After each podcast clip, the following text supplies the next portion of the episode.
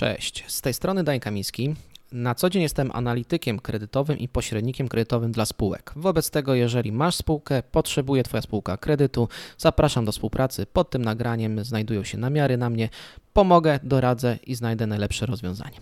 Przechodząc jednak do głównego pytania, czyli czy dalej warto przejść na stałe oprocentowanie, chciałbym od razu Tobie odpowiedzieć wprost. Tak, moim zdaniem warto jeszcze przejść na stałe oprocentowanie i zaraz podam Ci e, trzy argumenty, które poprą moje twierdzenie.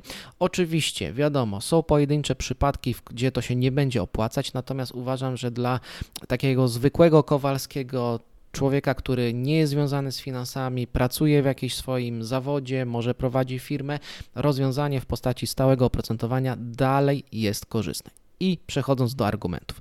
Pierwszy argument to to, że nawet jeżeli dzisiaj większość banków stał ofertę ze stałym oprocentowaniem wycenia już w okolicach 10% bądź nawet 11% i ktoś może zarzucić, no dobra Daniel, ale zmienne to jeszcze jest tam 7, 8, może 9, czyli ten 1-2% jesteśmy w stanie na tym ugrać na dzień dzisiejszy, tak to nazwijmy, tak, że te zmienne teoretycznie jest korzystniejsze, to ja zwracam uwagę, że musimy i musisz też patrzeć w przyszłość, bo teraz tak, Inflacja nie zniknęła, inflacja galopuje dalej.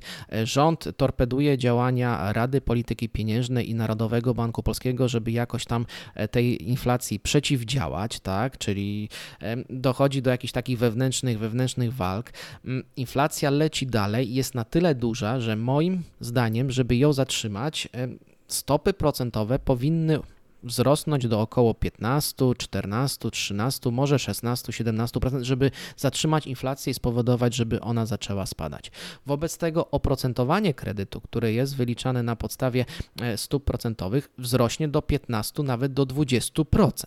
I teraz popatrz z tej perspektywy, czy za pół roku, czy za rok, jeżeli będzie oprocentowanie zmienne 15, 16, 17, 18, 19, 20%, to czy wtedy faktycznie ta oferta w cudzysłowie gorsza stałego oprocentowania 10% będzie faktycznie zła. Czy wtedy faktycznie to będzie problem, czy raczej będzie się cieszyć, że o, jednak mimo wszystko zrobiłam, czy zrobiłem dobry ruch, no bo okazało się, że e, te oprocentowania jeszcze wzrosły i jeszcze może być e, gorzej i ci, którzy się na to nie zdecydowali, mają jeszcze wyższą ratę do płacenia. To jest pierwszy argument. Drugi argument to jest argument spokoju i stabilności. Mianowicie chodzi o to, że jeżeli masz jedno mieszkanie, jeden dom, czy nawet dwa, ale są dla ciebie ekstremalnie ważne, żyjesz w nich, funkcjonujesz, nie możesz nimi ryzykować. Ryzykuje się rzeczami, które ma się w nadmiarze. Jeżeli masz 20 mieszkań, to faktycznie zgodzę się, że możesz tutaj rozmyślać, czy warto, czy nie warto, czy jednak to udźwigniesz, czy przerzucisz koszt na najemców, więc ciebie to nie dotknie i tak dalej, i tak dalej. Natomiast jeżeli to jest twoje jedyne mieszkanie na kredyt, jedyny dom na kredyt, nie masz komfortu ryzyka. Nie powinno się takimi aktywami ryzykować. Tak samo jak z inwestowaniem, tak? Jeżeli na koncie masz odłożone 30 tysięcy złotych, to są całe oszczędności całego życia, to nie bierzesz 30 30 tysięcy i nie idziesz kupić bitcoina, tylko zostawia sobie jakąś kwotę 15, 10 na czarną godzinę, na wypadki, na choroby inwestujesz tylko to, co możesz ewentualnie stracić. Więc jeżeli nie możesz stracić tego mieszkania, jeżeli to jest miejsce, w którym żyjesz ty, twoja rodzina, twoi bliscy, nie stać cię na to, żeby ryzykować zmiennymi stopami procentowymi.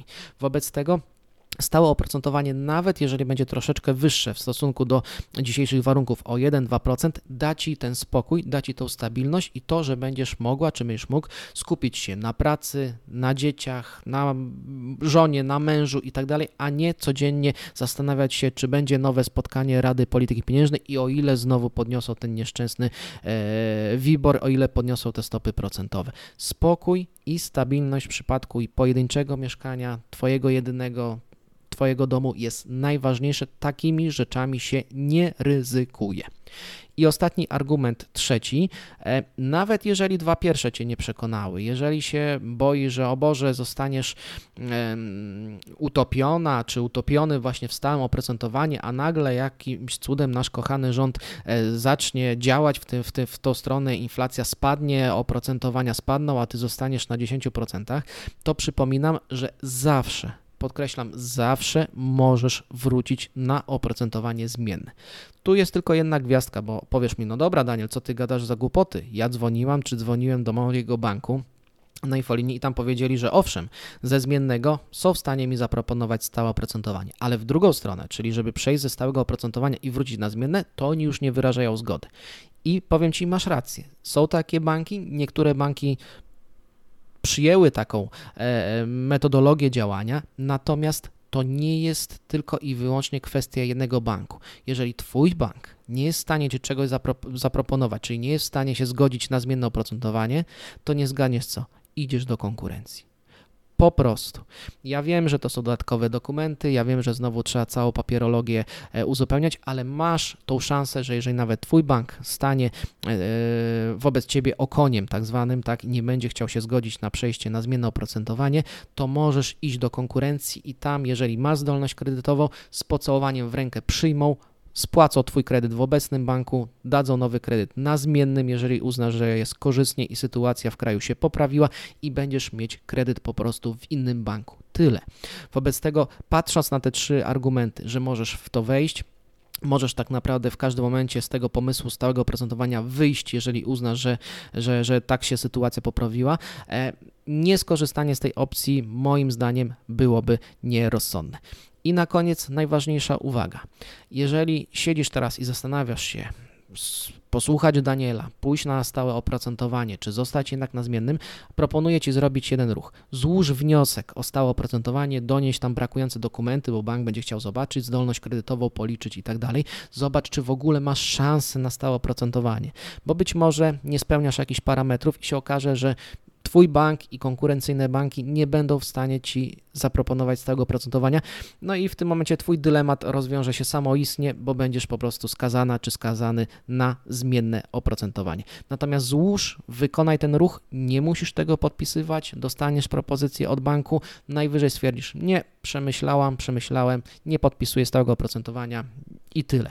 Więc wykonaj ten ruch, nie sieć na tyłku, daj sobie możliwości wyboru. Tyle ode mnie. Dziękuję za wysłuchanie i do następnego. Pozdrawiam serdecznie.